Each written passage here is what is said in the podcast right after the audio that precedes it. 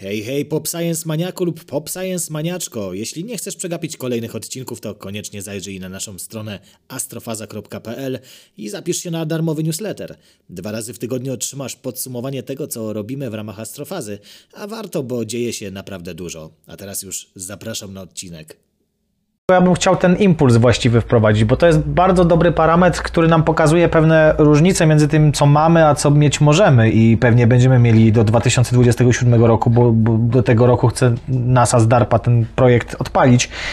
E, To jest generalnie taki stosunek e, popędu tego e, silnika, który mamy, m, jaką jest tutaj nam prędkość w stanie wygenerować, do masy paliwa, jakie jest zużywane i tego to się podaje w sekundach, nie? Tak. I zostańmy przy tym, bo to nie chodzi o to, żeby teraz rozkładać to na czynniki pierwsze, ale takie nasze chemiczne, prawda, e, napędy mają około 350 sekund. To jest ten ich właśnie impuls właściwy.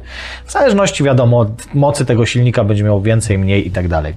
E, Natomiast silniki jądrowe są w stanie, w zależności od tego, jaki to jest rodzaj tego silniku, dać nam ten impuls właściwy na przykład 900 sekund, co jest już dwa razy, a te najfajniejsze kon- koncepcje, no bo to nie są konstrukcje, ale koncepcje, nawet do czterech razy więcej tych Tak, sekund ale to- impulsu ale- właściwego tak. niż silnik chemiczny, co pokazuje, że możemy lecieć albo dalej, Tak. Tylko, że albo to, szybciej, to że podajesz w więcej, sekundach, nie? to nie oznacza, że tyle pracują Nie, nie, te nie, nie, silniki. to jest to jest, to jest pewna pe- jednostka porównania. Tak.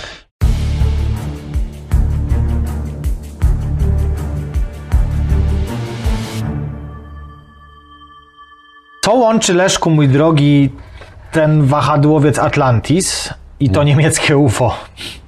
Y, Co łączy, co łączy? E, Latają, oba latają. Oba Latają, dokładnie. Przy czym y, co do tego UFO niemieckiego nie jestem pewny, czy latało.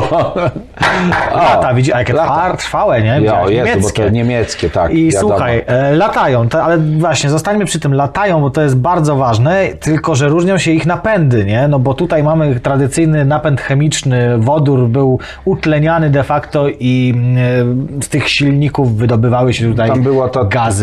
Było to mieszane, bo w jednym tym napędzie zbiorniku rzeczywiście podczas startu to był wodór z, z i tlenem był Tak, tlen tak, tak, a tlenem, boczne były na paliwo boczne stałe. były na paliwo stałe. tak. Natomiast e, niemieckie UFO działa w jakiś bliżej nieokreślony Oparte sposób. o jakieś magnetohydrodynamiczne Być efekty, może. których nie znamy. Dokładnie. Znał je tylko e, Von Braun. von Braun. Dlatego Ale, ale pożydził i nie dał Amerykanom, tak?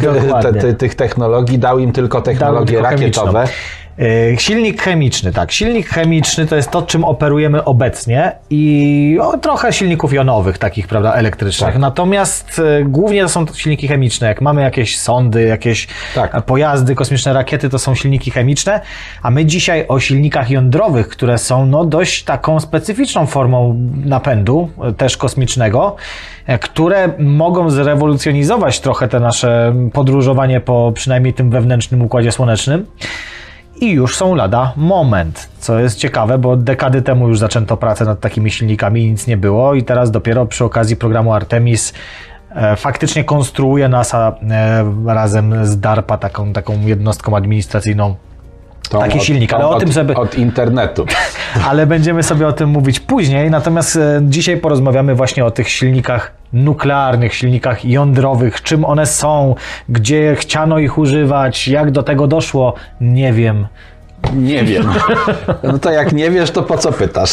No dlatego, że nie wiem, to pytam. Po co jest ten miś? Nikt nie wie, więc nikt nie zapyta. Dokładnie, my, ale my pytamy, właśnie o to chodzi. E, My, my, my wychodzimy z założenia takiego, czyli ludzie generalnie wychodzą z założenia takiego, że jak znajdują y, nową, nową, y, nowe źródło, wysokowydajne źródło energii, to starają się je zaprząc wszędzie tam, gdzie się da. Niestety, póki co nie jest tak, że wszędzie wszystko da się zrobić. I tak właśnie było z energią jądrową, którą y, najpierw jakby ujarzmiono, ale ujarzmiono w cudzysłowie, w ten sposób, że pokonując jakby pewną barierę poprzez zwiększenie masy ponad masę krytyczną, doprowadzano do samoistnych reakcji y, i użyto, y, użyto tę energię, a w zasadzie e, skutek przemiany tej energii w inne formy energii użyto w takim niszczącym e, aspekcie tej właśnie energii. Dosyć szybko e, zdano sobie sprawę i, i to też nie jest tak, że zdano sobie sprawę. To były naprawdę lata doświadczeń, lata e, pracy chociażby tego projektu Manhattan, e, który, który W filmie Oppenheimer można było ostatnio się, oglądać. tak, tak się tam pojawił tak, w, w, w kinach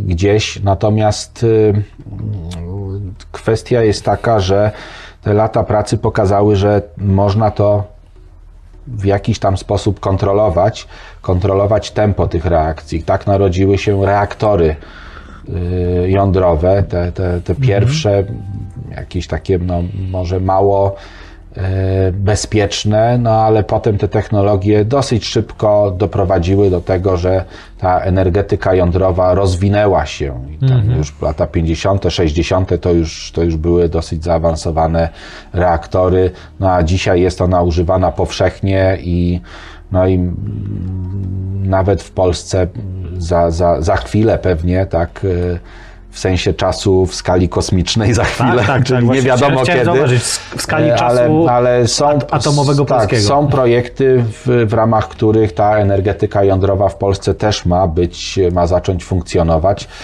E, Jest to, jest to energia, która dzisiaj wiąże się po pierwsze no, z materiałami rozszczepialnymi, które, których zasoby też nie są jakoś tam zbyt duże na Ziemi, ale wciąż są.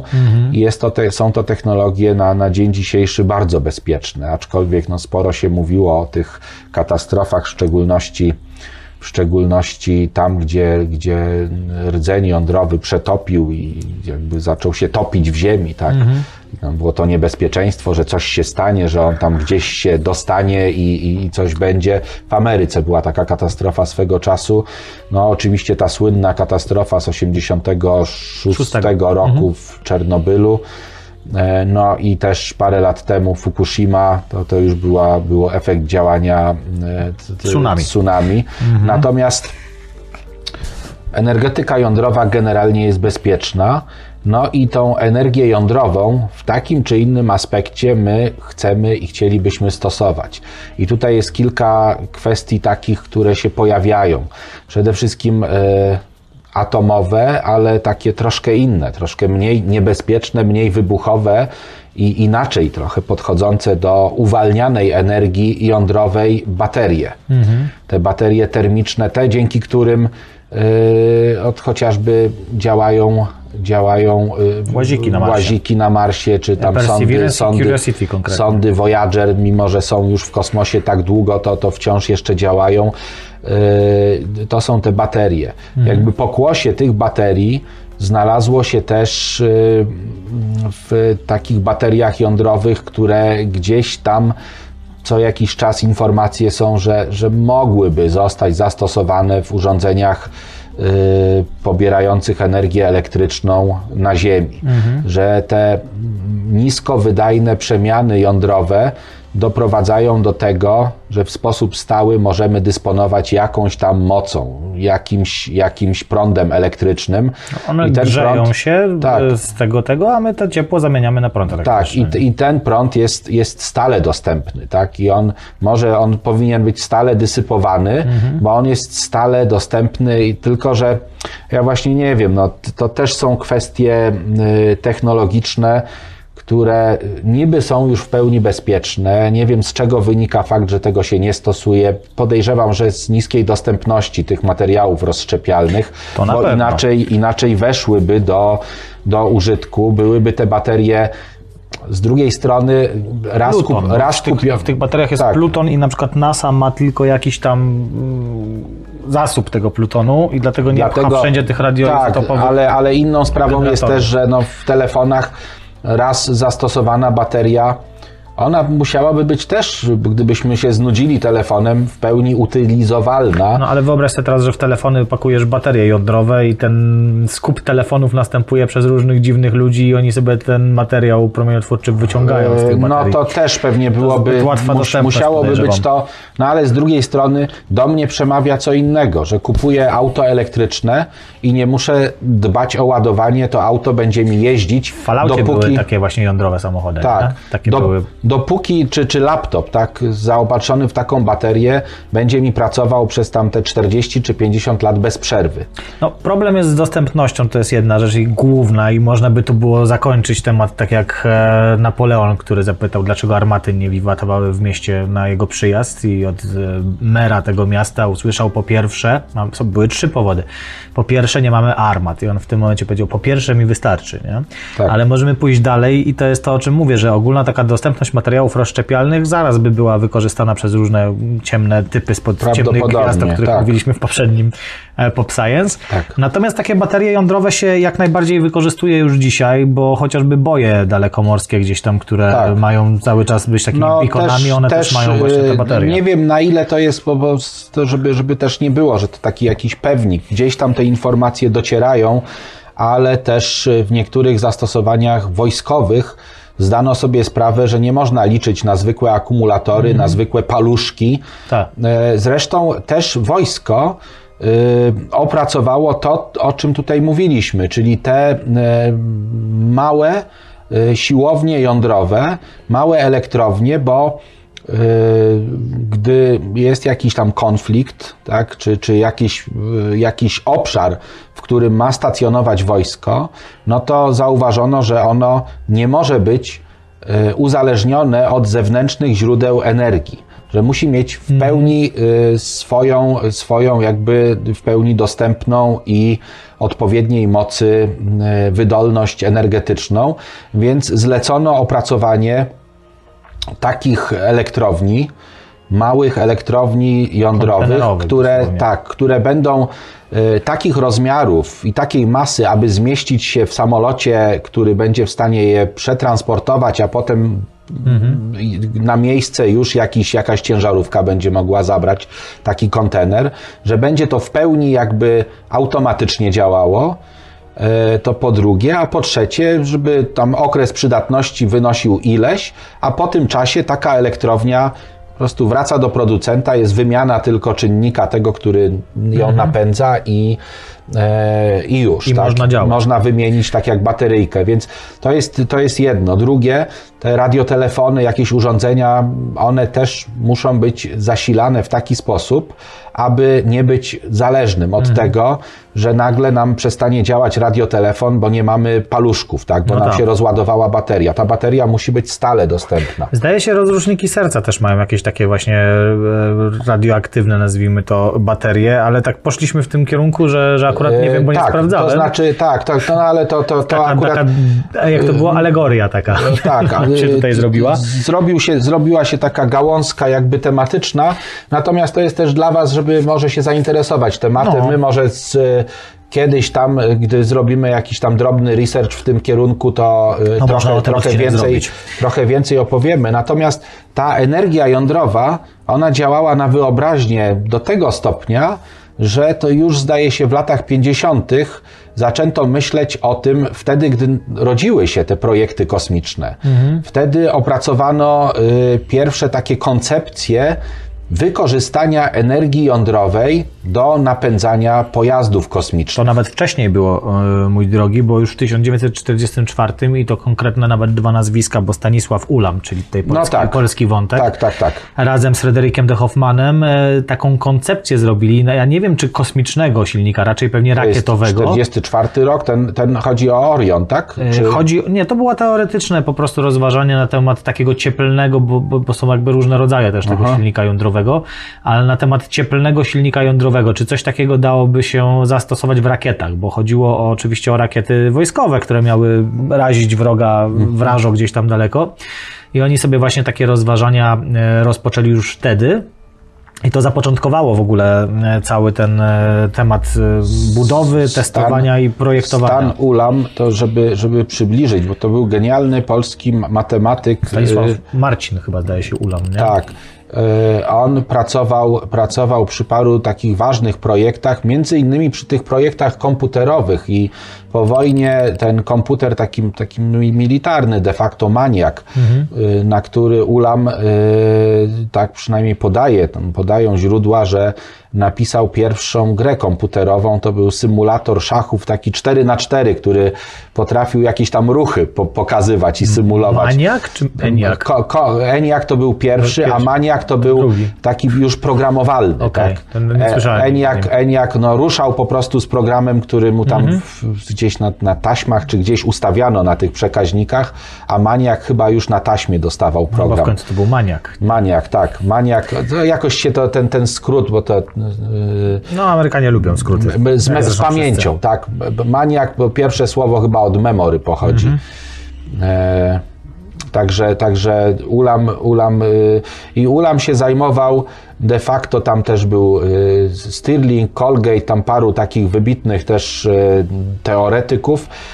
Y, komputer się zajmował, Maniak był po to, żeby symulować e, i liczyć pewne rzeczy, które się wewnątrz Słońca dzieją, ale tak naprawdę tam chodziło o reakcje termonuklearne i o bombę wodorową, tak, żeby, żeby ją stworzyć. No tak, E, to dość bo- szybko zacząć bo to ten ENIAC, ENIAC był po to, żeby, żeby działa, tak, żeby, żeby działa duże, duże te e, Armaty. duże armaty, tworzyć tabele strzelniczek, dzięki którym nie, nie musieli się mocno znać na matematyce tak, i, i rach- liczyć. Nie musiałeś mieć rachmistrzów, żeby to tak, zrobić. i liczyć ci, którzy obsługiwali. No to teraz zobacz, mamy 44, tak. e, czyli to jest ten okres, kiedy już gadżet, ta, ta broń jądrowa została opracowana właściwie. No, Czy tam była, praco, była opracowywana? była opracowywana, no, E. użyta po raz pierwszy i pierwsze eksplozje to jest 45 No, rok, rok. później. Natomiast 11 lat później już, od 44, kiedy właśnie Ulam e, z Hoffmanem stworzyli koncepcję w ogóle tego, Mhm. żeby, żeby właśnie to, co powiedziałeś, e, najpierw broń jądrowa, znaczy to była broń jądrowa najpierw, nie? czyli te, Mhm. te, ta reakcja kontrolowana w ten czy inny sposób, czy też zapoczątkowywana w kontrolowany sposób, była używana stricte militarnie. Potem mieliśmy e, efektem jakby ubocznym tego te właśnie reaktory jądrowe, które miały tak naprawdę wzbogacać nam ten materiał radioaktywny, tak żeby można było go używać w tych bombach, no a potem okazało się, że można to zostawić, rozbudowywać i zrobić elektrownię, co jakby za zabezpieczenie energetyczne kraju też jest dość ważne, więc Oczywiście, mocno tak. w to poszły Tak. pieniądze. A kolejna rzecz to były te silniki właśnie i użycie tego jako materiału pędnego de facto. I już 11 lat później, w 55 55, roku tak. rozpoczęto projekt e, Rover się nazywał e, właśnie w Los Alamos, czyli dokładnie w tym samym ośrodku badawczym, gdzie e, wyprodukowano i opracowano broń jądrową. I w ramach tego projektu Rover powstały, powstało kilka reaktorów, znaczy reaktorów, właściwie silników, takich e, cieplnych, termicznych silników e, jądrowych i nazywały się, co jest ciekawe, Kiwi. Wiesz skąd nazwa Kiwi? Tak, bo kiwi, Zgaduj. Kiwi, kiwi światożywi. But. But. Kiwi butożywi. E, Być może, ale chyba bardziej chodziło o to, że kiwi jest ptakiem nielotem, a te silniki miały się nigdy nie wzbić w powietrze, tylko to były takie statyczne testy, jak to dzisiaj nazywamy, więc te silniki Aha, były ja- ja zaprojektowane w ten nie, sposób. Wiesz, zupełnie zapomniałem o ptaku i myślałem, co ma to wspólnego z owocem. Z włochatym ogórkiem. Z łochatym ogórkiem, tak. Słuchaj, e, więc Kiwi e, i pierwszy prototyp to było Kiwi A, e, który tam właśnie w 1959 roku już powstał, czyli Tak. zobacz, 4 lata od zapoczątkowania projektu mamy już w pełni działający tak naprawdę e, silnik jądrowy, jakby nie patrzeć. E, Był też, jeżeli już o Kiwi mówimy, taki silnik, który nazywał się Kiwi TNT od trotylu, bo ten silnik znowu był przeznaczony do tego, żeby go wysadzić. E, Dlaczego? No bo trzeba było przetestować. Z jednej strony, czy jesteśmy w stanie stworzyć silnik jądrowy w ogóle, którego moglibyśmy używać w rakietach, w pojazdach kosmicznych w przyszłości i tak dalej.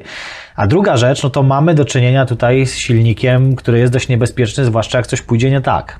Wyobraź sobie, że rakieta startuje i nagle I to wszystko pięknie nam opada, wiesz, cały ten radioaktywny e, szmelc, który był na, na, na pokładzie, opada nam na ziemię.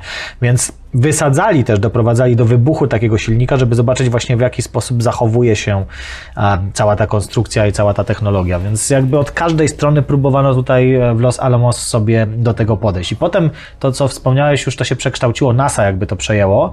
E, To w ogóle były porąbane czasy, bo NASA miało się zajmować, to był ten silnik, który nazwali później Nerva, Tak. od Nuclear Engine for Rocket Rocket Rocket Vehicle Application, czyli właśnie Rocket. ten Rocket. rock, rocket, rokitnik. To Rocket. jest ten e, silnik nuklearny, który miał Tak. być do zastosowania w rakietach e, kosmicznych, ale uwaga teraz, NASA nie zajmowała się w ogóle e, elementem promieniotwórczym tego silnika w pierwszym etapie. Znaczy oni tylko patrzyli na, na y, oni tylko patrzyli na ten, ten skutek wybuchowy i na to, jak będzie to działać y, w sensie No o to sił, chodzi, które, które są Wszystko, uwalniane. tylko nie to, co energii. najważniejsze w silniku. To tak jakbyś miał opracować silnik, wiesz, benzynowy, ale, nie miałbyś dostępu do benzyny i komory spalania, nie? No tak, tak. To, to trochę jest- na takiej zasadzie było, bo tym się zajmowała agencja oczywiście nadzoru nad energią jądrową, a, w której zresztą też Oppenheimer Ale to są takie- to działał, takie teoret- więc, więc to było takie trochę po omacku. Nie? Teoretyzowanie. Trochę po omacku i oni do 70, em, proszę ciebie, trzeciego roku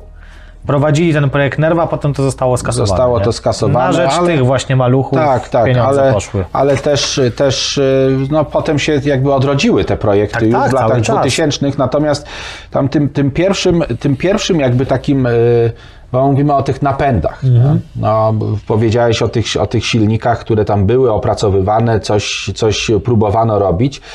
Też y, w 54 albo 5 roku jakby pojawił się pierwszy taki y, zarys projektu misji kosmicznej, która opiera się o y, napęd jądrowy. Tak naprawdę napęd jądrowy pulsacyjny, polegający na tym, że w tej komorze spalania dostajemy siłę pędną, która powstaje w wybuchu jądrowym.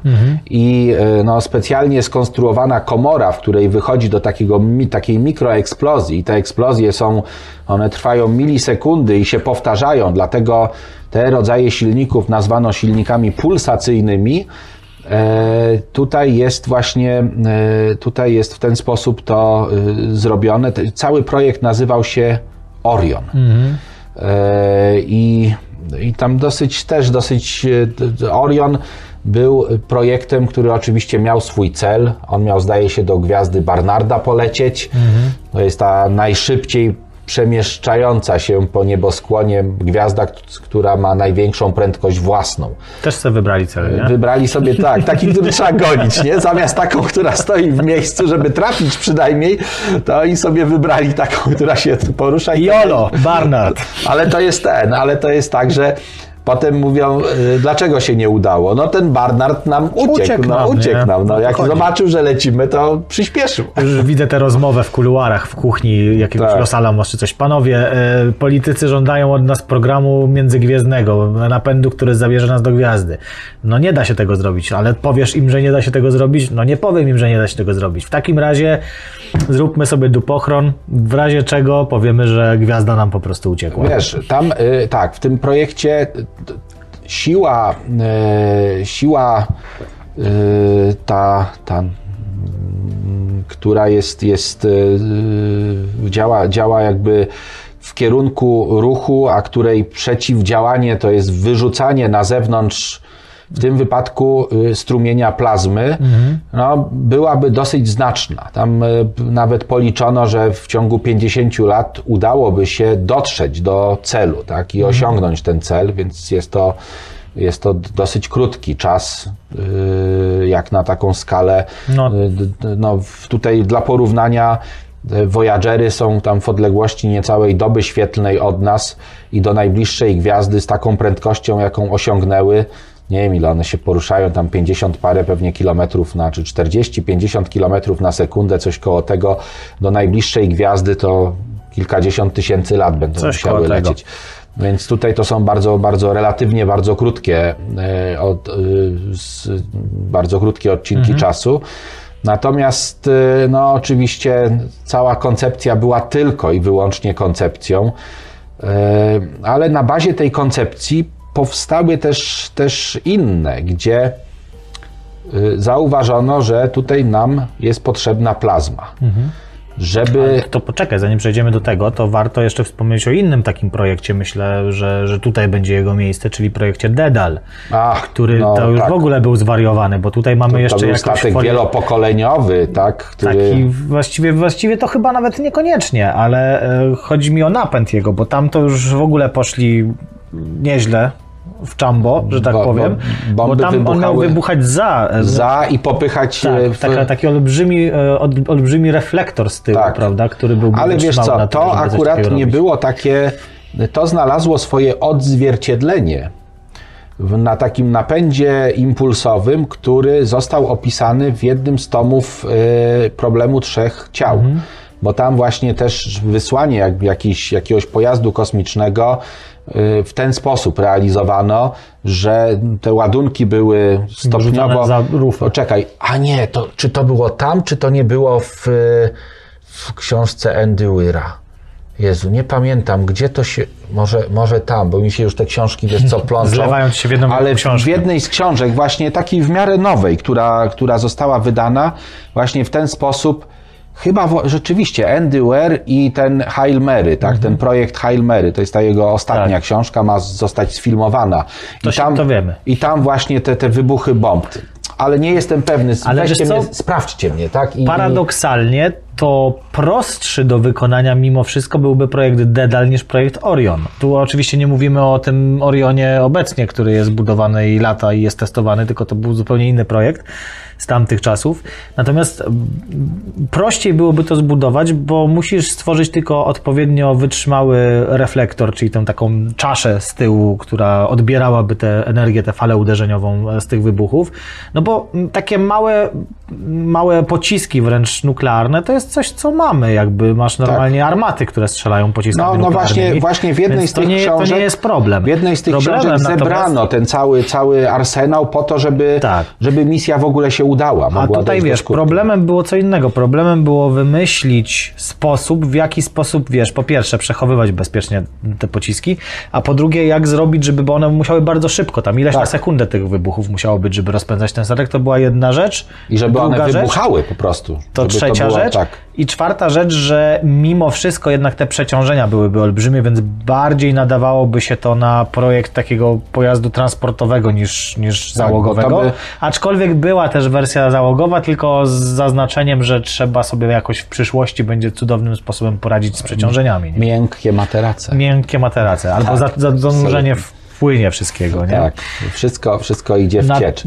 natomiast druga sprawa jest, ale to sobie porozmawiamy, jak przejdziemy do, też do typów takich e, silników e, nuklearnych, bo jest trochę tych typów silników nuklearnych, to ten impulsowy też się różni od tego, co potem było gdzieś projektowane w rzeczywistości, e, bo tam znowu się używa neutronów, ale to, to potem sobie opowiemy. Nie? Dobrze, bo ja bym... Możemy ja bym, spopować w sumie, jak już Tak, o tym. spopujemy, natomiast ja chciałbym przejść od właśnie mm, od tych silników, tych impulsowych, gdzie wytwarza się plazmę, która jest wyrzucana. Tam mówiło się w tym projekcie Orion o tym, że jakieś tam osłony wolframowe, tak, no ten wolfram niby wytrzymały e, i, i na wysokie temperatury i tak dalej, że te, te, te osłony gdzie zachodzi, wewnątrz których zachodzi ten wybuch i jest przez tam specjalne dysze ten gaz cały uwalniany i, i, i tak dalej.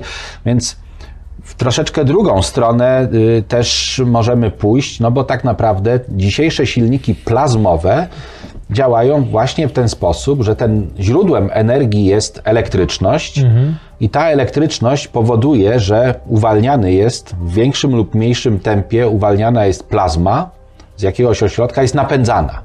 Tak, jakimś elektromagnetycznym y, systemem przyspieszania cząstek. Więc wystarczy nam pojemnik, zbiornik z cząstkami i tak naprawdę my ich używamy albo mniej, albo więcej. Mniej, jeśli jesteśmy w stanie nadać im bardzo dużą, bardzo dużą prędkość, co jest tą siłą odrzutu, która popycha w drugą stronę nasz, nasz pojazd. I w tę stronę właśnie poszli y, fantaści w latach 50. i 60. I jednym z tych fantastów to jest, jest książka no, nieśmiertelna. Ja y, ostatnio ją po raz kolejny, ale już nie czytałem, tylko przesłuchałem bo uwielbiam y, audiobook taki, który jest Mm. super produkcją Niezwyciężony. niezwyciężonego Stanisława Lema, bo ów niezwyciężony, ale także Kondor, który, który y, jest bliźniaczą jednostką, one dysponowały y, reaktorami jądrowymi, dzięki którym uzyskiwały dostateczną moc, która y, napędzała silniki wyrzuca, wyrzucające tą plazmę wręcz w postaci płomienia, czy w postaci takiego, także jak on leciał przez przestrzeń, to ta plazma jak taki nieskończenie długi miecz świetlny, tak, z tyłu się ciągnęła za nim, wyrzucana była z, Zastanawiam się, jak rozwiązali to, albo tak szybko leciał, że nie zdążyła już oddać energii i po prostu przestać świecić. no, no, no jakoś tam, jakoś to wyglądało. Chyba licencja poetyka. E, oczywiście, no to wiesz, no to Stanisław Lem tak naprawdę jakąś tam akcję sprzedawał i przygodę. E, Wtedy była taka moda i taka tendencja, żeby się w pewne szczegóły techniczne e, mm, jakby zagłębiać. Natomiast s- myślę, że tak, że na tamte czasy to była, to była bardzo świetna książka. Te stosy atomowe tak, tak przemawiają do, do wyobraźni, tak. E, Te, te jałowe biegi stosów atomowych, tutaj wiesz, te, te, te silniki, które pracują tak czy inaczej, silniki planetarne, dzięki którym niezwyciężony się unosił i przelatywał do innego miejsca. To wszystko jest naprawdę, naprawdę bardzo fajnie opisane. Natomiast jest to napęd, który został zastosowany. Jest to przeniesienie tak naprawdę pewnej idei, która jest stosowana dzisiaj bardzo szeroko.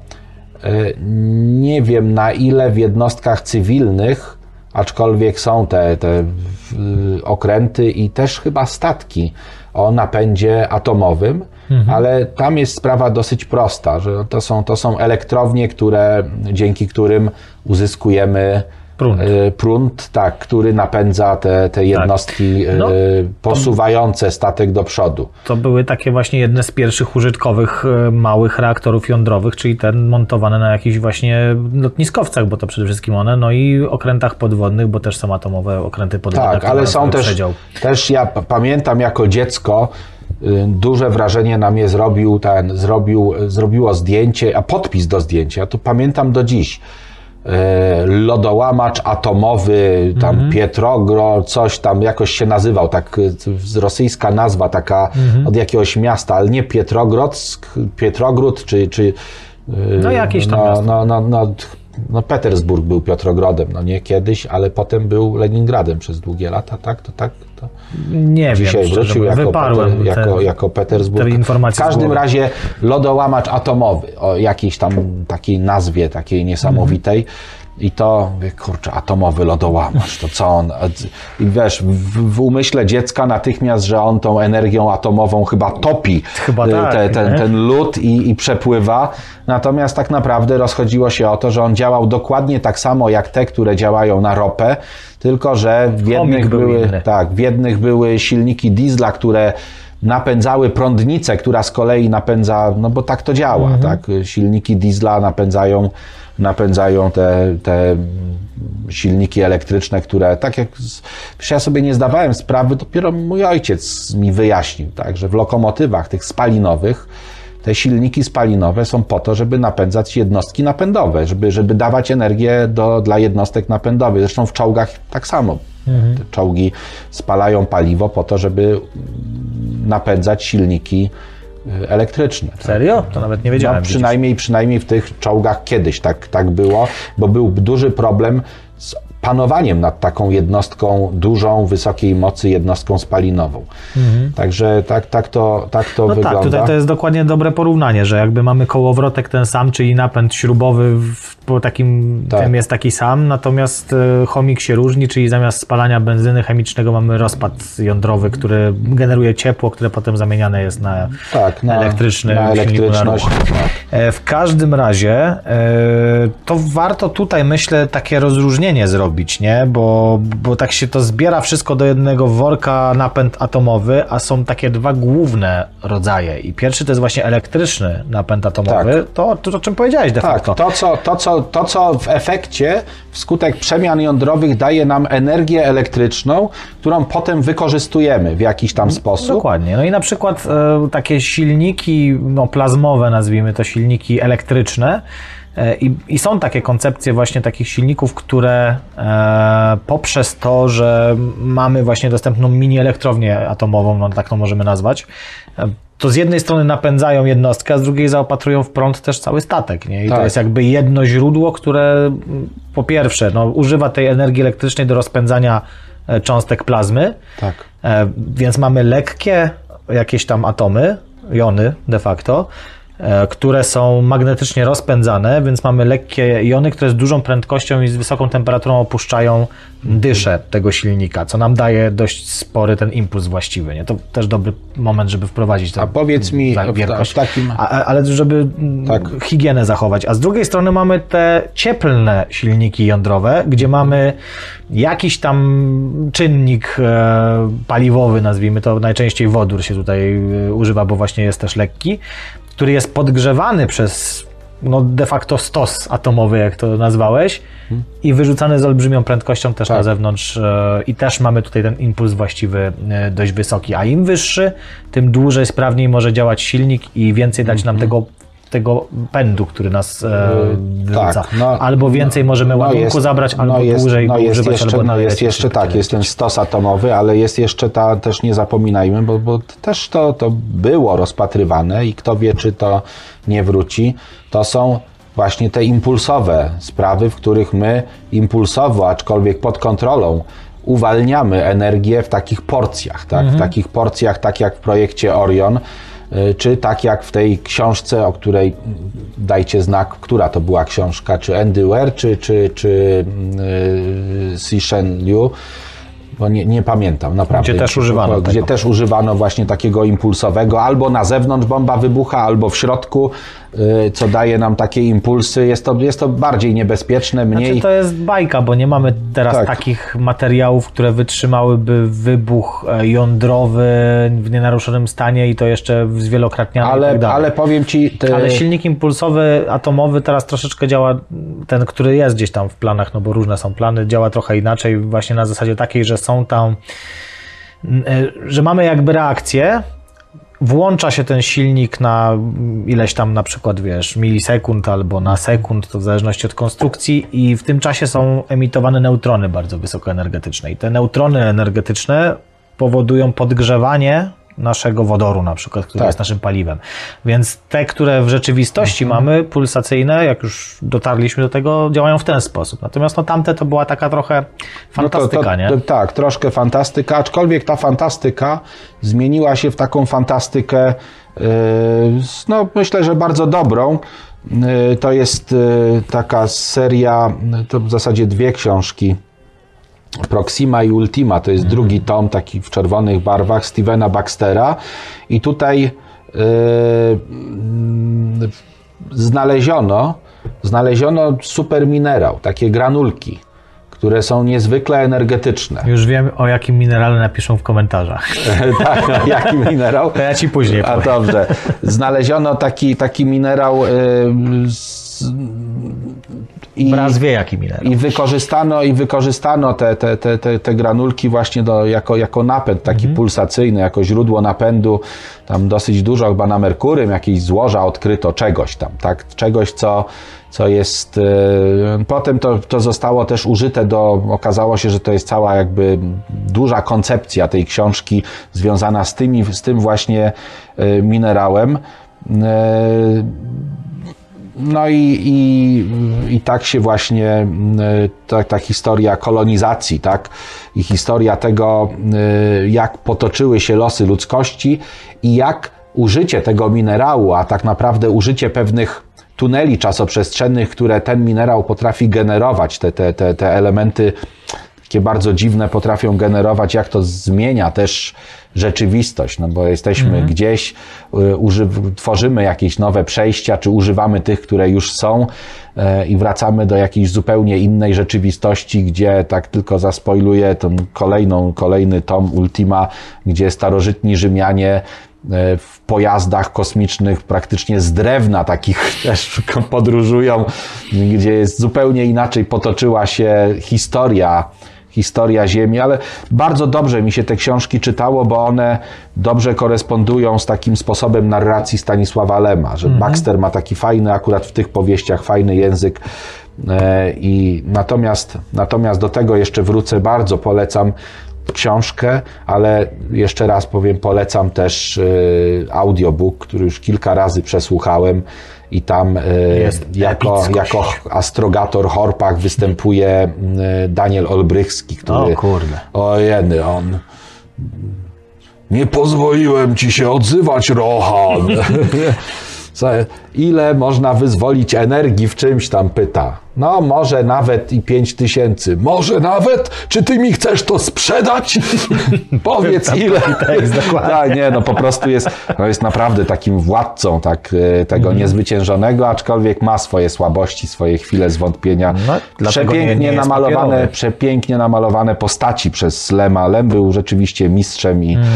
i nie dziwię się, że tak, tak bardzo jest e, wciąż hołubiony i wciąż czytany od nowa. To warto od razu też tutaj wspomnieć o tym, komiks pokazywałeś parę Tak, odcinków temu, tak, też e, sobie go nabyłem. Jest niezwyciężony. Przepiękny. Świetnie I w tych narysowany. czerwieniach wszystko skąpane, przez to, że tam jest to, to jest wokół Czerwonego Karła tak, ta planeta, tak. więc, więc w takich czerwieniach i czerniach jest dosłownie Tak, cały komiks narysowany. Cudownie, Coś cudownie jest to, jest to zrobione. Także polecam. Biłem się prawie, że e, o ten komiks na, na konwencie, bo ostatni został. I tam A. ktoś jeszcze się zastanawiał, czy go kupić, czy nie, także dzięki serdeczne, że go nie kupiłeś.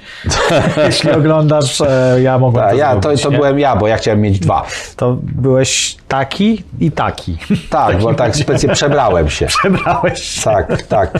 E, dziewczynka nie ma imienia, tak? To, Dokładnie. nie, to wygląda odwrotnie, tak, dziewczynka nie ma imienia. Leszek nie ma imienia. Słuchaj, yy, Co, właśnie, prze, bo przechodzimy do kolejnego projektu, tak? Do nie kolejnego projektu, tylko ja bym chciał ten impuls właściwy wprowadzić, bo to jest bardzo dobry parametr, który nam pokazuje pewne różnice między tym, co mamy, a co mieć możemy i pewnie będziemy mieli do 2027 roku, bo, bo do tego roku chce NASA z DARPA ten projekt odpalić. E, To jest generalnie taki stosunek e, popędu tego e, silnika, który mamy, jaką jest tutaj nam prędkość w stanie wygenerować, do masy paliwa, jakie jest zużywane i tego to się podaje w sekundach, nie? Tak. I zostańmy przy tym, bo to nie chodzi o to, żeby teraz rozkładać to na czynniki pierwsze, ale takie nasze chemiczne, prawda, napędy mają około 350 sekund. To jest ten ich właśnie impuls właściwy. W zależności, wiadomo, od mocy tego silnika będzie miał więcej, mniej i tak dalej. E, Natomiast silniki e, jądrowe są w stanie, w zależności od tego, jaki to jest rodzaj tego silniku, dać nam ten impuls właściwy na przykład 900 sekund, co jest już dwa razy, a te najfajniejsze kon- koncepcje, no bo to nie Mhm. są konstrukcje, ale koncepcje, nawet do czterech razy więcej tych Tak, sekund ale to- impulsu ale- właściwego tak. niż silnik chemiczny, co pokazuje, że możemy lecieć albo dalej, Tylko, że albo to, szybciej, to że podajesz więcej, w sekundach, to nie oznacza, że tyle pracują Nie, te nie, nie, nie, silniki. to jest to jest, to jest pewna pe- jednostka porównania. Tak. Bo tutaj trzeba też powiedzieć wyraźnie, że w silnikach chemicznych zdecydowanie szybciej zużywa się y, ten czynnik. Mhm. Jest on y, zdecydowanie y, masywniejszy. Mhm. Bo w, ten czynnik jądrowy, on ma związaną w sobie zdecydowanie większą energię. Tak? Mhm. Natomiast tutaj my używamy mm, energii chemicznej w procesach, w procesach takich czy innych, gazów, tak, przemian, przemian chemicznych, głównie spalania, Mhm. e, gwałtownego utleniania i uwalniania pozostałości po tym spal, spalaniu kierunkowego, tak, i panowania nad tym, więc... Tak, po e, prostu więc spalamy jakieś paliwo, utleniamy je gwałtownie Tak. bardzo. E, W wyniku tego mamy produkt, czyli jakieś spaliny de facto, Mhm. gazy, które wydobywają się z dużą prędkością i temperaturą, bo to jest tutaj ważne, przez dyszę odpowiednio też zaprojektowaną, żeby ukierunkować nam e, Mhm. ten strumień. I to nas na zasadzie mm, e, dynamiki Newtona Tak. odpycha de facto Tak. od siebie, od tych gazów, które są Można też wyrzucane. powiedzieć Jaka, jaki jest stan? Stoimy na płomieniu, astrogatorze. No, no, płomień, Tak. płomień akurat siła równoważy, równoważy na grawitację i, i w ten sposób niezwyciężony zawisł na moment nad nad powierzchnią. powierzchnią. Aczkolwiek, Regis no 3. tak, no to jest kwestia jakby tam dobrania odpowiednich Oczywiście, ale to, to, to, to, o to mniej więcej chodzi. Tak, Aczkolwiek żeby... silniki jądrowe e, no, z wielu powodów, raz, że są niebezpieczne, bo mogą, e, to też zależy ale od też tego, jaki nie to jest generują typ, nie?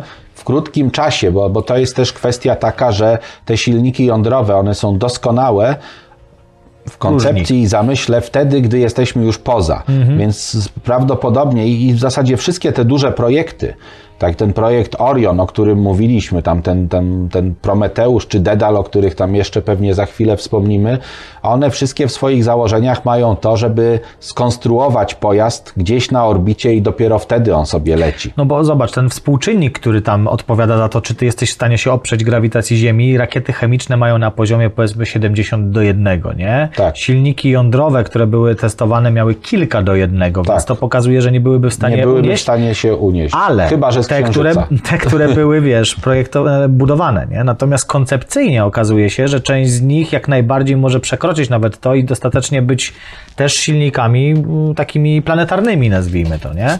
Tylko, że zachodzi pewne niebezpieczeństwo, bo jednak jest tutaj zaangażowana no, energia jądrowa i materiały promieniotwórcze. No i to zależy też bardzo mocno od typu tego silnika, bo są silniki z otwartym, nazwijmy to, obiegiem, znaczy te koncepcje i takie z zamkniętym. Z zamkniętym, no i to świetnie się, że tak powiem, złożyło. Możemy wyjaśnić w końcu po 44 e, minutach, jak działa silnik jądrowy. Więc ten zamknięty obieg i otwarty obieg, w zależności od tego, z jakiego typu silnikiem e, jądrowym e, cieplnym, bo to w tych mamy to rozróżnienie, e, mamy do czynienia. No zamknięty prosta sprawa. Mamy reaktor de facto, który grzeje się i grzeje też w obiegu zamkniętym zewnętrznym wodór. Ten wodór jest przyspieszany potem e, dużo bardziej niż moglibyśmy to osiągnąć poprzez spalanie go, utlenianie go. I tu mamy te dwie cechy, które sprawiają, że ten silnik jądrowy będzie dużo efektywniejszy, czyli niska masa z tego całego substratu, tego całego paliwa, czyli tych cząstek po prostu wodorowych i wysoka temperatura. I to sprawia, że mamy właśnie ten większy impuls właściwy, dużo No I większy niż w oczywiście, I przypadku oczywiście możemy sterować ilością wodoru, który jest w obiegu, e, po to, żeby uzyskać siłę ciągu większą, mniejszą. No dokładnie o to chodzi. Kolejny jakby taki element to są otwarte, nazwijmy to, silniki e, jądrowe i tu już jest do- dosyć duży problem, bo e, takie zalecenia mm, do, co do użycia takich silników są takie, że nie dość, że do użycia oczywiście w przestrzeni kosmicznej, bo w tym momencie mamy przepuszczanie tego wodoru przez ten stos atomowy i razem z częścią tego paliwa nuklearnego to też ucieka wszystko w przestrzeń kosmiczną i tu możemy jeszcze większe te impulsy właściwe No, uzyskać oczywiście. Ale niestety kosztem tego, że wydobywa się dużo promieniotwórczego materiału e, gazu e, z tej właśnie naszej dyszy silnika. No i tutaj nie dość, że musimy tego używać tylko stricte w przestrzeni kosmicznej, to jeszcze nawet zaleca się, że poza magnetosferą Ziemi, no bo część tego e, Może może, gdzieś tam wrócić. No ale sposób. to, to oczywiście tego typu inwencje techniczne, no, one służą temu, aby stworzyć y, pojazdy poruszające się gdzieś Daleko w daleko w kosmosie. kosmosie, gdzieś w obrębie układu słonecznego, albo też tak jak w tych projektach, o których już wspominaliśmy i pewnie jeszcze powiemy, no, wy, wynieść y, pojazd z Ziemi gdzieś daleko poza układ słoneczny. I wtedy już nas mało interesuje, co z tej dyszy wylatuje, bo nie trafimy drugi raz w to samo miejsce raczej. To, Te przestrzenie są tak duże, że ilość tego materiału, nawet jeśli on jest w jakiś tam sposób e, i mógłby być w jakiś sposób szkodliwy w obrębie wręcz magnetosfery Ziemi albo atmosfery Ziemi dla żywych organizmów, no to w przestrzeni kosmicznej nie jest już Poza tym będzie, będzie ulegał, wiesz, rozproszeniu cały czas. No nie? tak, Więc rozproszeniu, Po jakimś oczywiście. czasie to będzie tak rozrzedzona chmura radio, radioaktywnego pyłu, nazwijmy to, która właściwie nie będzie wykrywalna jakoś specjalnie, nawet No gdyby tak. Ziemia przeleciała To tak przez jak, taki tak, region. jak, tak jak materiał ten z, radioaktywny, który dostał się po, po awarii w Fukushimie do, y, do morza. Mhm. On też był bardzo rozproszony i bardzo szybko się rozproszył do takich stężeń, które już zupełnie są niegroźne dla ludzi. No, natomiast póki co wywołało to jakąś panikę i wywołało to jakieś tam reperkusje.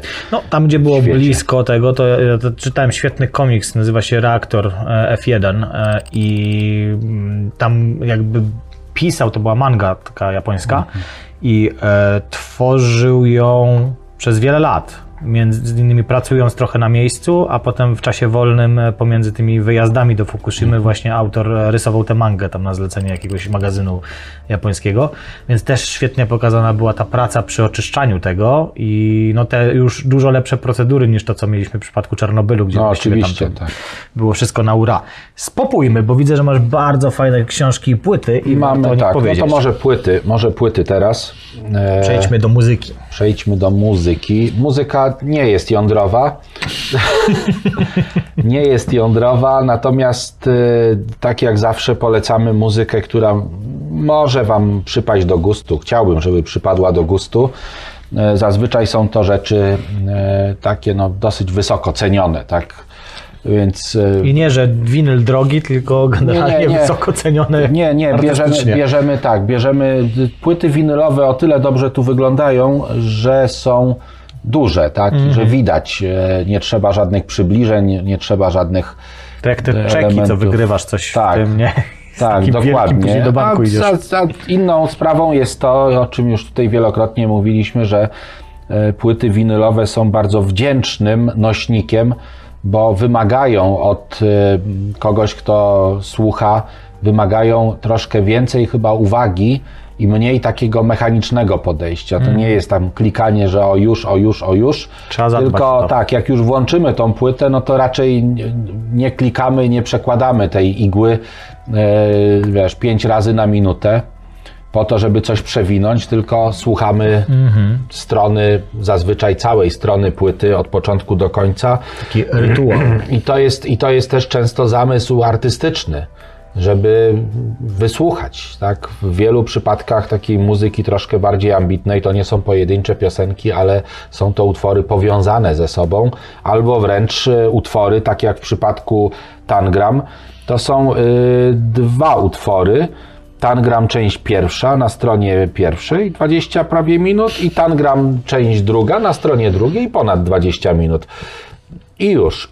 Tangerine Dream, jedna z takich, można powiedzieć, wzorcowych płyt y, pokazujących te najlepsze lata y, grupy.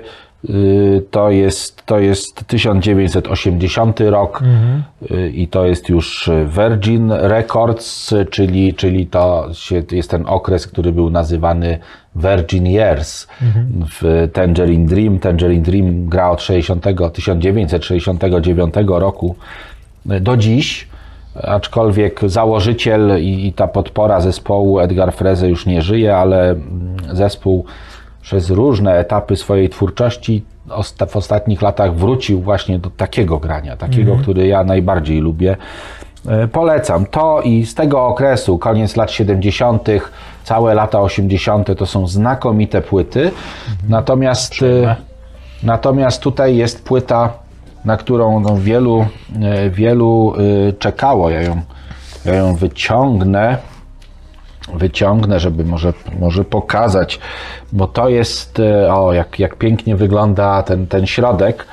E, Płyta nazywa się Tarkus. Na okładce jest taki pancernik pancerny.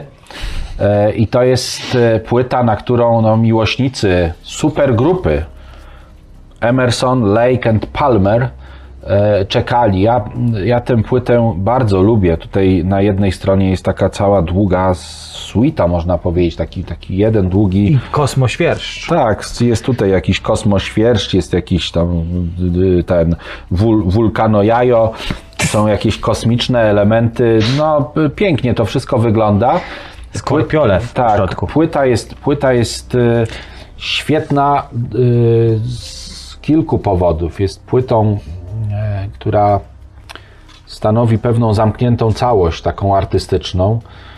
Y, Jest wykonana w sposób, można powiedzieć, perfekcyjny, no bo to też super grupa, tak? Emerson, Lake and Palmer to jest super grupa y, muzyków, także bardzo serdecznie polecam. No skoro, skoro jesteśmy, tak, od, od, odłó- odłóżmy tu, Mhm. gdzieś w tło, to jeszcze jedną płytę Wam tutaj pokażę.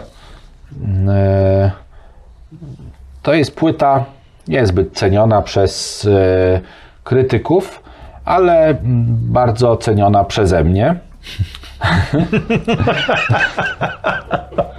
Dlatego, że Słuchaj, poniekąd jesteś krytykiem, więc jestem kre- trochę jest ceniona przez krytyków. przez, no trochę nie, no wiesz, no krytycy to są ci, co, co się znają na muzyce i co są w stanie, nie wiem, co, coś więcej powiedzieć o, o strukturze, fakturze, kolorze, materii, o Mhm. tym wszystkim, co tutaj jest zawarte w tym, po- pomiędzy nutami i w nutach i w tekstach.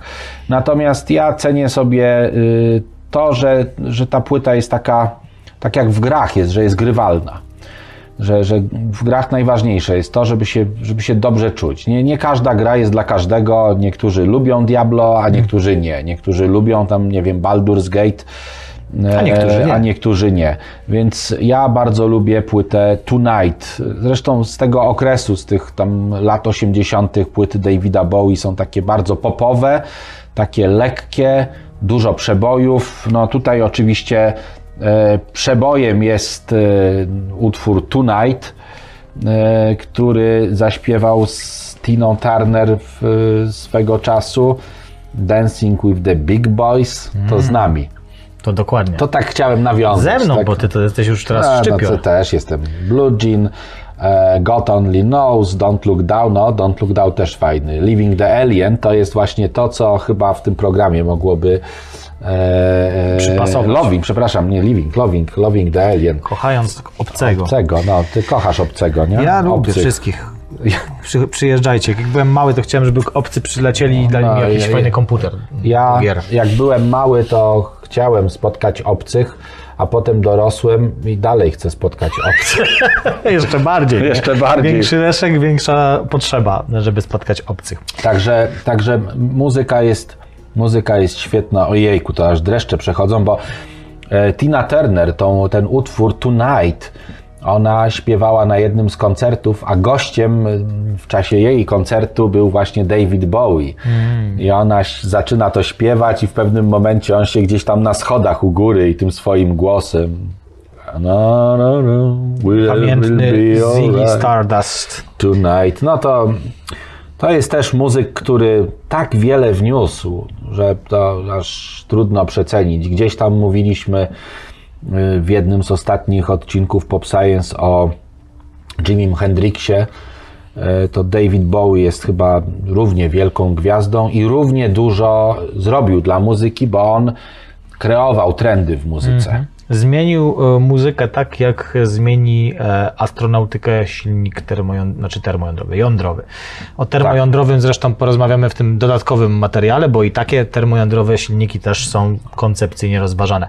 Ale zanim może przejdziemy sobie dalej do, do, do mięsa, to jeszcze może e, Odyseja Kosmiczna, to jest jeden z moich No. ulubionych e, dzieł, jedno z moich ulubionych dzieł science tutaj, fiction. tutaj akurat swego czasu udało mi się nabyć, dlatego że jedno z, wydawnictw, ja nie wiem czy jeszcze jest vis-a-vis takie wydawnictwo, ale ono wydawało sporo y, Artura C. Clarka, bo udało im się jakieś prawa autorskie pewnie kupić niedrogo.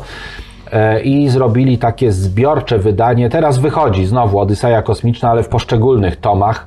Ktoś to wydaje mm, w jakiejś tam serii nie pamiętam, czy to MAG, czy, czy jakieś inne wydawnictwo. No, A tutaj są y, wszystkie cztery części Odyseja Kosmiczna 2001, 2010, 2061 i 3001 finał. Także tutaj. Wszystko w jednym. Tak, wszystko w jednym.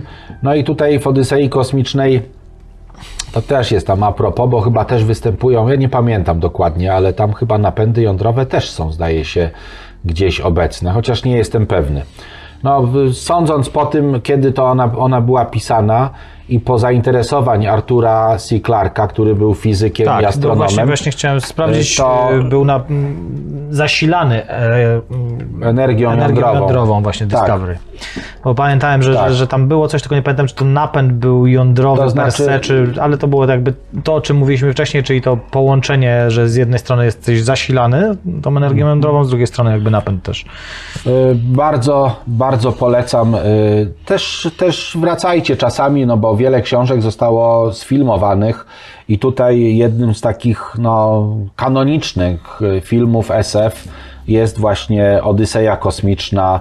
Ten film, który się rozpoczyna od y, tych, tych małp tak szalejących przy tym postumencie, tym monumencie takim, który mo, monu, monument, monolit. monolicie, który się tam gdzieś w czasach e, pradawnych pojawił, potem już w czasach, w których e, przestrzeń kosmiczną opanowaliśmy, e, też się pojawił, tak, i, i na tym się opierają jakby nasze, e, opierają się perypetie e, tego, co tutaj zostało przedstawione. A jeśli chodzi o Discovery One, bo tak się ten pojazd nazywał, nie wiem, czy on tutaj gdzieś był, czy nie? Nie, tutaj na Nie ma okładce go go na raczej okładce. nie ma. taka, długa, taka kula na końcu takiego długiego właśnie Tak. jakiegoś technicznego korytarza i, i z tyłu była ta cała sekcja silników. Mhm. Zasilane to było przez reaktor jądrowy po prostu. Tak. Przez reaktor jądrowy. Coś podobnego jak właśnie na lotnisku, o którym wspominaliśmy, czy lodołamaczu jądrowym. A słuchaj, Ale y, napęd był, tutaj znalazłem jak się nazywał, bo nawet była fikcyjna firma, która zajmowała się stworzeniem tego napędu, to jest Cavradyne, tak się nazywała firma i to, był, e,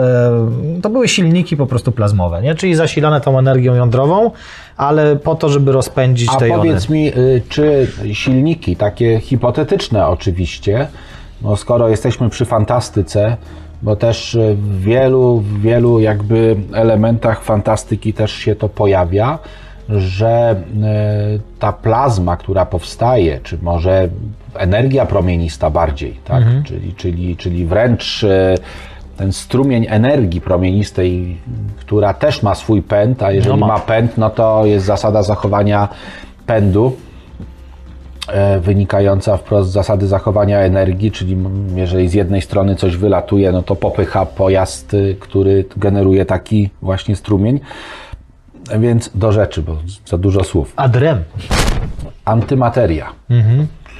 E, Czy to można zakwalifikować jako silniki, e, silniki atomowe? No bo przecież mamy atomy materii i antymaterii i doprowadzamy do anihilacji w jakiejś tam komorze spalania, a wynikiem anihilacji jest, e, jest powstanie czystej energii i być może, gdyby to, to jest taki dobry pomysł może na napęd, żeby jakiś mechanizm, który wymusza może kreację par, które, które to pary e, jon, antyjon są wyrzucane na, na zewnątrz. A co, co właściwie powstaje? Bo tak się w sumie nie zastanawiałem nigdy nad tym, ale zazwyczaj poprzez, podczas przemian energetycznych jedne cząstki zamieniane są na inne, czy rozbijane są na inne częstokroć, Tak. albo łączą się. anty, w, w, Co ani, anihilacji powstaje? powstaje energia, foton. Foton. po Powstaje prostu. foton, bo, bo, bo procesem odwrotnym do anihilacji jest kreacja par. Mhm.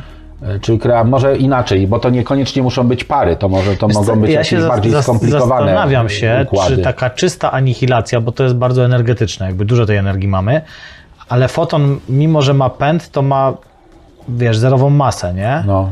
Zastanawiam się, na ile sam foton będzie skuteczny, jakby, wiesz, do napędzania takiego statku, bo tu mamy jony, nie? Jakby wyrzucamy jony, one mają dość małą masę, mają wysoką temperaturę i to nam daje ten impuls właściwy.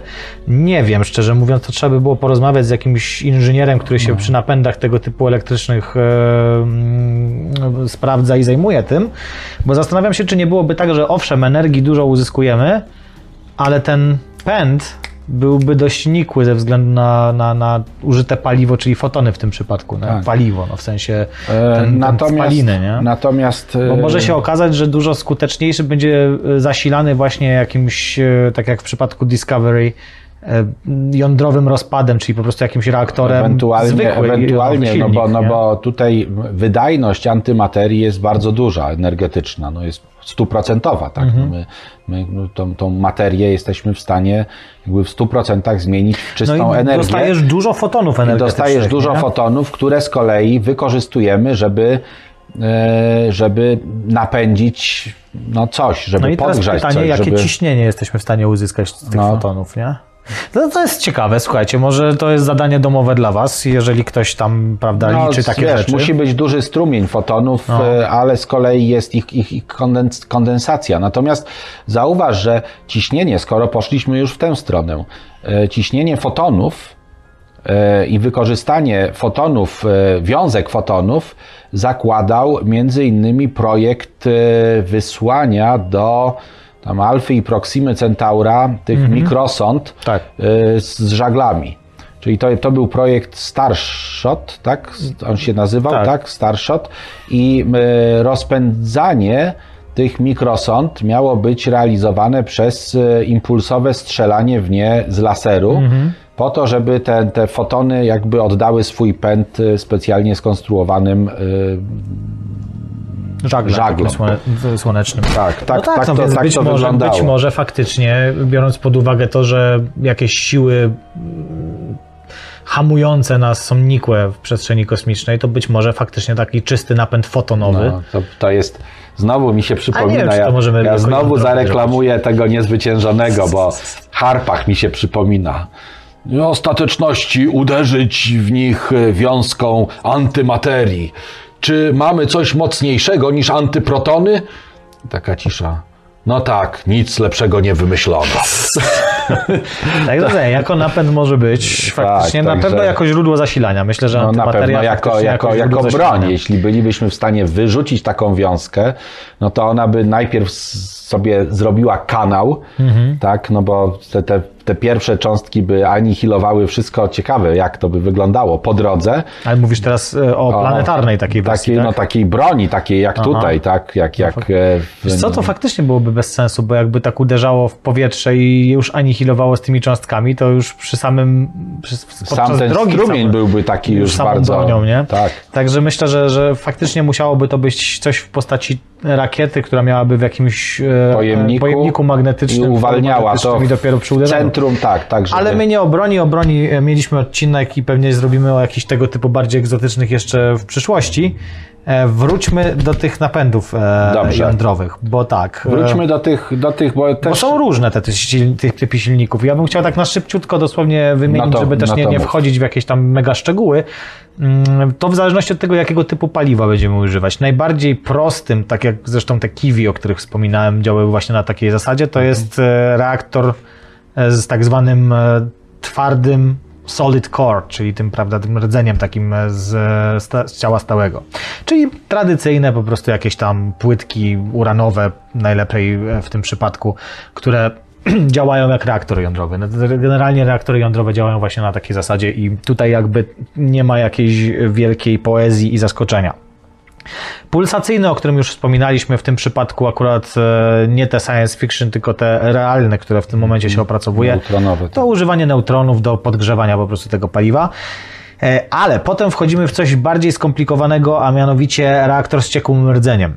I tu już mamy płynne paliwa jądrowe, co jest niezmiernie trudno kontrolować, utrzymywać. Taki silnik jest o wiele bardziej skomplikowany. Tam e, wymyślali jakieś cewki, przez które to paliwo jest podawane. To się miało tak. obracać na jakichś łożyskach. To jest po prostu mega skomplikowane i nie robi się takich silników e, tak, żeby do użytku były. Ten, który NASA sobie zamówiła, to jest ten na Solid Core, bo, bo, bo inaczej to by po prostu nie dało rady e, inżynieryjnie, sobie- technologicznie tego zrobić. Ja staram się sobie wyobrazić, wiesz, bo, bo tak, gdzieś tam o tym słyszałem, natomiast to jest poza moją, moim wyobrażeniem.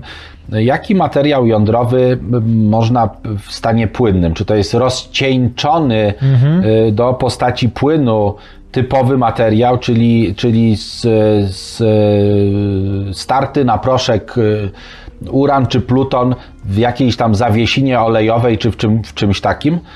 Ale to, to jak to by miało działać? No więc właśnie, bo jeżeli stopisz go, to masz problem, nie? Więc Tak. to nie może być stopione po prostu zwyczajnie paliwo przez to, że jest przegrzane de facto, nie? Tak. Tylko myślę, to jak jest... uwolnić tą energię, jest jak- bo energia uwalnia się przez yy, rozszczepianie tak, jąder. Może Więc to być jakiś taki kondensat, słuchaj. yy, Bombardowanie tego stopniowo yy, neutronami wolnymi po to, żeby po, po, po kolei, po wstrzyknięciu, tak? No ale to, też źródło neutronów jest nam potrzebne. Ale właśnie o to chodzi, że zobacz, znaczy źródło źródłem, jakby to nie jest tak najmniejszy problem, skąd weźmiesz to źródło, no bo jakby mamy opanowane różne źródła neutronów wolnych, tylko e, tu masz jakby taką, taki plus i przewagę nad tym takim e, stałym paliwem w postaci tego, że możesz uzyskać dużo wyższe temperatury, e, a jednocześnie właśnie nie stapiając tego rdzenia, który mamy w przypadku tego stałego e, tego. I słuchaj, no były na przykład te wypadki z paliwem jądrowym, gdzie właśnie taką zawiesinę na przykład uranową ktoś tam wylał, otworzył, już nie pamiętam, coś tam w Japonii takiego było, napromieniowało trzech gości, z czego tam dwóch chyba zmarło w męczarniach. Natomiast A to musi być jakiś... bez męczarni. męczarni. To musi być jakiś kondensat, podejrzewam, nie? Nie wiem, nie znalazłem aż takich szczegółów, żeby dowiedzieć się, jak się robi takie paliwo, bo myślę, że to też nie jest tutaj akurat szczególnie potrzebne, żeby wiedzieć, jak to robić, ale jest to... E, paliwo jądrowe w formie płynnej, dzięki czemu możesz uzyskać wyższe temperatury i teraz uwaga, nawet do 1500 sekund ten impuls właściwy, nie?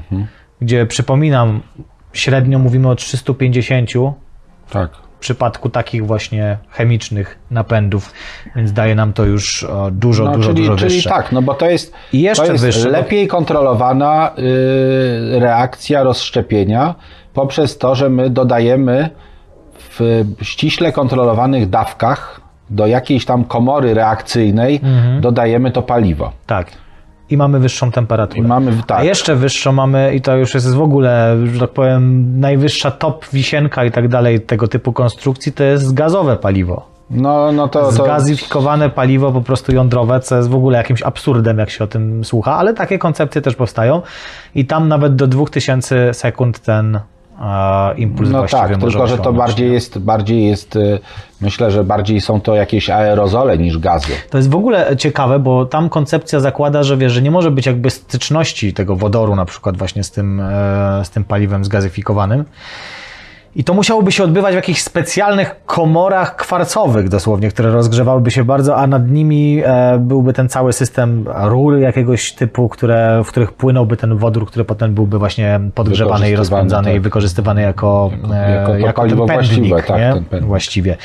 Więc e, problem jest jeden, nie? Jesteśmy w stanie tworzyć silniki o tym stałym.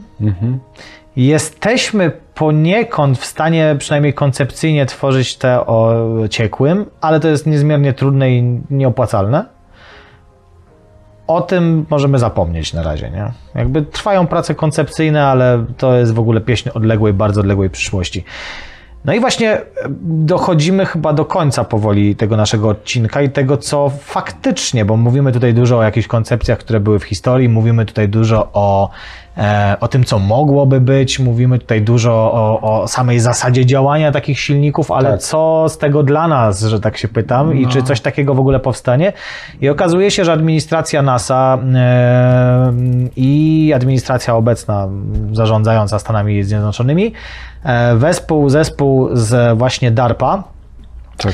E, zamówiły de facto u różnych podmiotów taki silnik jądrowy, cieplny silnik jądrowy, który ma powstać do końca 2027 roku. Jakby prace koncepcyjne już jest trwają ten, od dawna. to jest nie? ten long shot, tak? Ten To jest projekt? Draco. Draco. To jest projekt Draco i Dobrze. e, mój drogi No jakoś- właśnie jakoś tutaj sobie się- wynotowałem. No właśnie, ja te- ten, ten, ten, o tym projekcie Szukam, Draco... szukam nazwy rozwinięcia. O jest. Demonstration Rocket for Agile Cislunar Operations. E, bo to ma być taka rakieta cała, Tak. nie? Em, którą zbudować ma Lockheed Martin. Chodzi o pojazd kosmiczny. e, To będzie budował właśnie no, ten jakby podmiot, który odpowiedzialny jest za różne statki kosmiczne, samoloty i tak dalej. Dostał na to 499 milionów takich, e, takich dolarów, dolarów na taki właśnie e, projekt, żeby zbudować ten cały pojazd, nie? A silnikiem zajmuje się NASA i DARPA właśnie i mm, będzie on zamontowany ostatecznie właśnie na e, No to jest... tejże rakiecie. Po co ona jest potrzebna? Potrzebna jest po to, że jeżeli faktycznie NASA chciałaby trochę opanować Księżyc nie? i w ramach tego programu Artemis nie po prostu polecieć i pokazać, hej, po kilkudziesięciu latach jesteśmy w stanie zrobić to samo, tylko tak jak zapowiadają, zbudować tam bazy, e, zostać na Księżycu, Tak. bo zobacz, ta dominacja orbity niskiej to już jest chleb powszedni, nie? Coraz więcej krajów jest w stanie wybudować sobie na przykład stację orbitalną, nie? Albo wysłać ludzi w przestrzeń kosmiczną. Więc to już nie jest to hegemonia, ta hegemonia i ta dominacja kosmiczna, żeby być na niskiej No, orbicie. księżyc jest. Teraz jest księżyc. Księżyc i pewnie nie, niedługo znowu wróci temat Marsa. To jest jakby Eee, też e, celem, bo ta, ta rakieta i ten silnik Tutaj, ma być też właśnie co, ja bym- ja bym Natomiast jednak- chodzi o to, że oni zamówili sobie to, Tak. żeby docelowo mieć system, który dość szybko będzie w stanie Tak. transportować z Księżyca i na Księżyc zarówno ludzi, jak i towary, żeby być lepszymi od Rosjan, od Chińczyków przede Tak. wszystkim, Indii i tak dalej.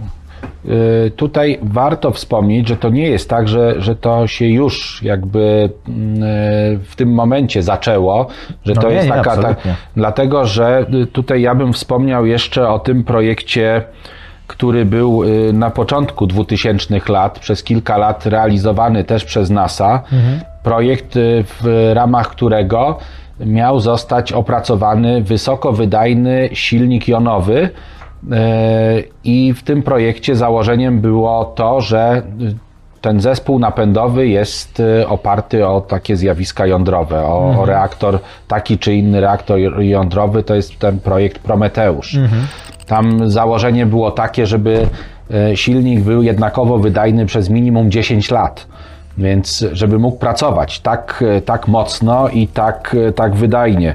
To jest właśnie to, że tak, ten, ten, ten projekt Nerwa, on się urwał gdzieś tam w latach 70. Cały wysiłek poszedł w, w to. No i później był ten powrót, był ten powrót w, to, w to. E, Był ten powrót e, i te różne jakby pomysły były realizowane, między innymi Prometeusz, który też po, pochłonął tam z, nie wiem, z pół miliarda czy ileś przez tam przez 3 czy 4 lata, kiedy nad tym pracowano. Ja też nie jestem do końca, bo to wygląda mi tak, jakby ten y, system, o którym mówiłeś, ten Draco, był niejako kontynuacją. Ale to wszystko jest kontynuacją, bo to nie jest tak, że jak w 61 zaczęli projekt Nerwa i go w 73 zakończyli, to spuścili w kiblu niczym dziwne tabletki wszystkie mm, informacje, dane i zdobycze, które się udało w tym projekcie e, osiągnąć.